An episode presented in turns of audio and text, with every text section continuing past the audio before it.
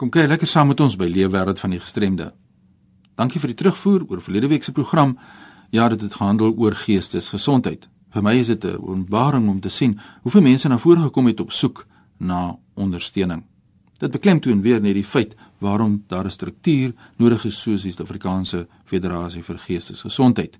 Net weer die kontakbesonderhede van Leon de Beer, dis 011 781 1852. 011 781 1852. Vandag gesels ek met Sandra Marits oor iets van 'n heel ander aard. Welkom by RSG Sandra. Dankie Fani. Sandra, jy is betrokke by 'n nie-regeringsorganisasie wat diens lewer aan mense met gestremthede. Vertel ons bietjie meer wat jy doen. Ja, ek is deel van die projek waar ons die publiek probeer opvoed en um, bewus maak van kwessies rakende gestremthede en ons kry ons mandaat om dit te doen van die VN-konvensie vir die regte van mense met gestremthede. En volgens daai wetgewing het ons 'n verantwoordelikheid vir bewusmaking oor ehm um, toeganklikheid van dienste en areas en nog 'n klompie verskillende aspekte.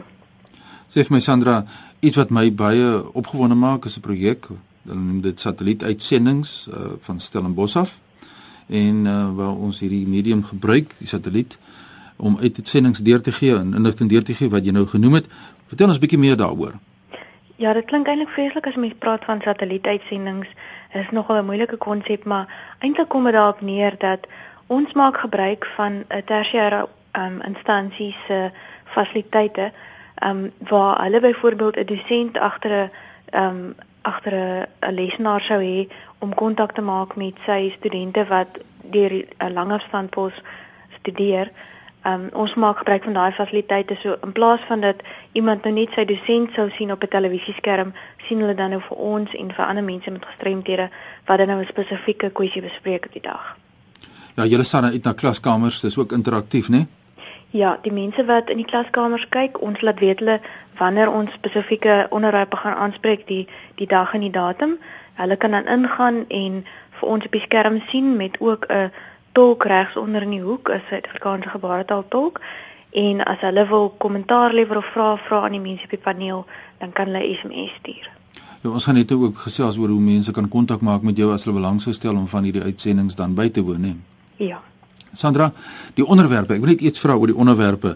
Uh, wat is die globale fokus? Uh, fokus julle op uh, aktiwiteite wat jaarliks aan die gang is uh, en dis meer of hoe fokus julle op die uh, onderwerpe wat julle hanteer?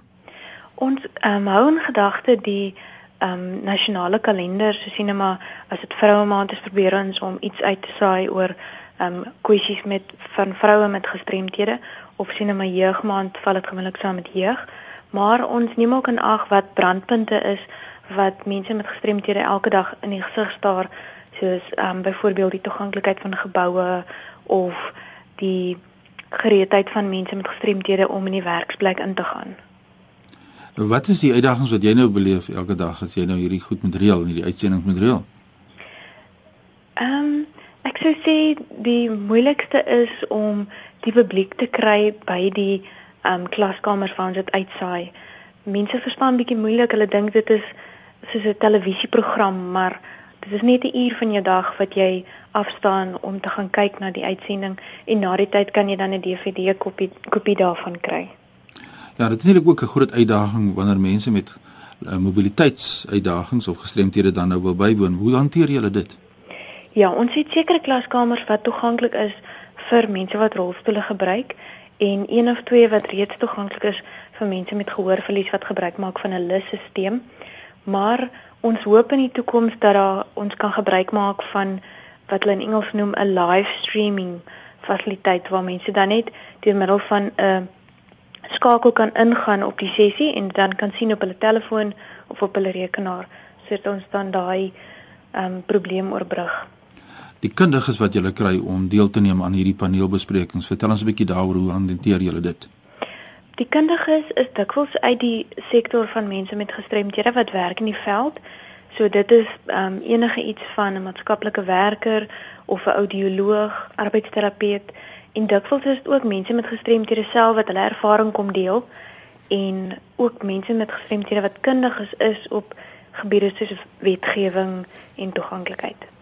Sê vir my, jy uh, het gepraat net oor van kommunikasie. Jy sê jy maak gebruik van uh, gebaretaal tolk. Uh, is dit belangrik om ook so die, die gemeenskap te bedien in daardie verband? Ja, die toeganklikheid vir mense wat gebaretaal gebruik is baie belangrik.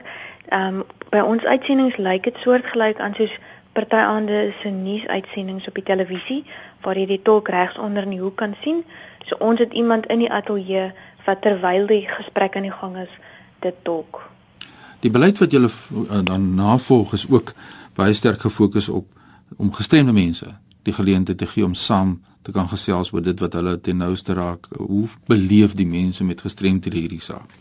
Baie positief. Ons probeer ons bes om verskillende mense met gestremdhede wat kundig is in te kry, nie net elke keer dieselfdes nie.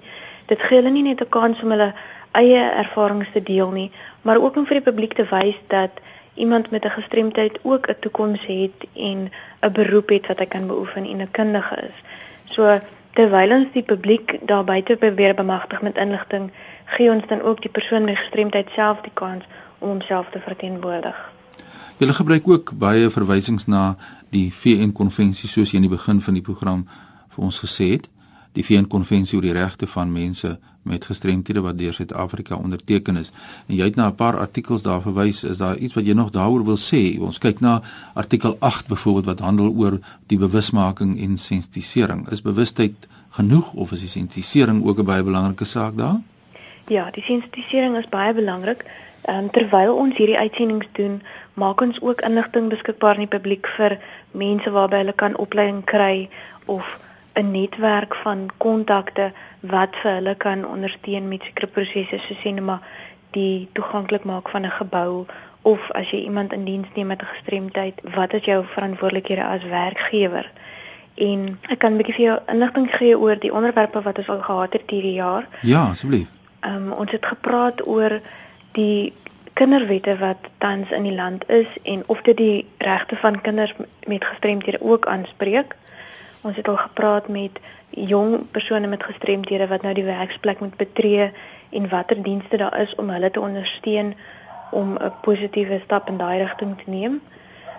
Ons het ons gaan nou in hierdie komende maand praat ons met iemand wat al vir hele, hele lewe lank gehakel het en hoe hy daai kommunikasie uitdaging oorkom het. So elke keer verwys ons terug na die wetgewing om vir mense te wys dat ons het 'n mandaat om hierdie te doen en dat dat dit gee vir ons die ehm um, die oomf om dit te kan doen. Dit is nie net werk wat ons doen ter wille van nie.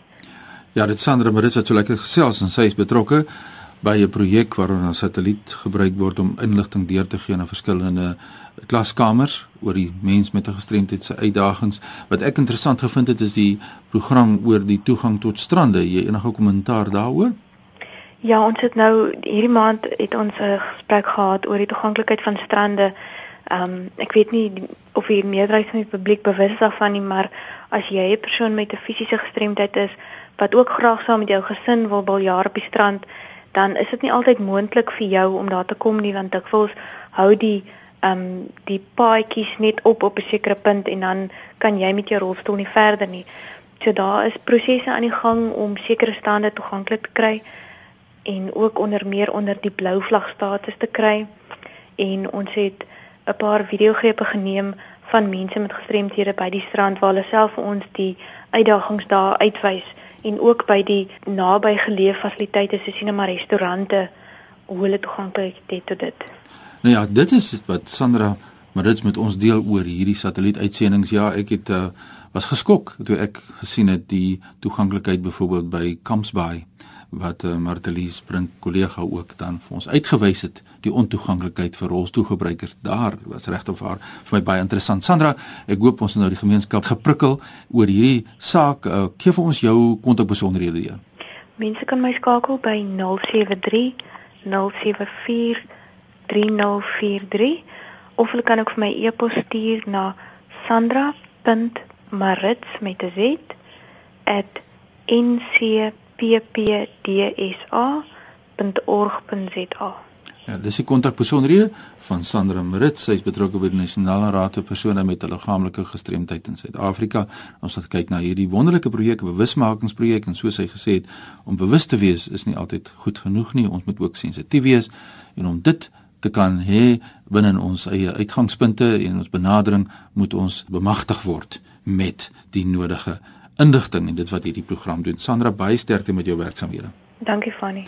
Ja, as jy 'n storie het om te vertel of iets wil deel met ons, stuur sommer nou 'n e-pos aan my by fani.dt@mweb.co.za. Jy kan my volg op Twitter by Fani Dreams. Ja, ons gesels saam oor die lewe wêreld van mense met gestremthede. Ons kan saam gesels deur middel van Skype fani.d.23. Dan gesels ons lekker verder oor die, die lewe wêreld van ons mense met gestremthede. Onthou hierdie program word ook woensdaagoggend om 3:15 herhaal en dit kan afgelaai word of geluister word deur middel van potgooi. Ja, so maak die tegnologie dit vir ons moontlik alles by die webtuiste van RSG, rsg.co.za.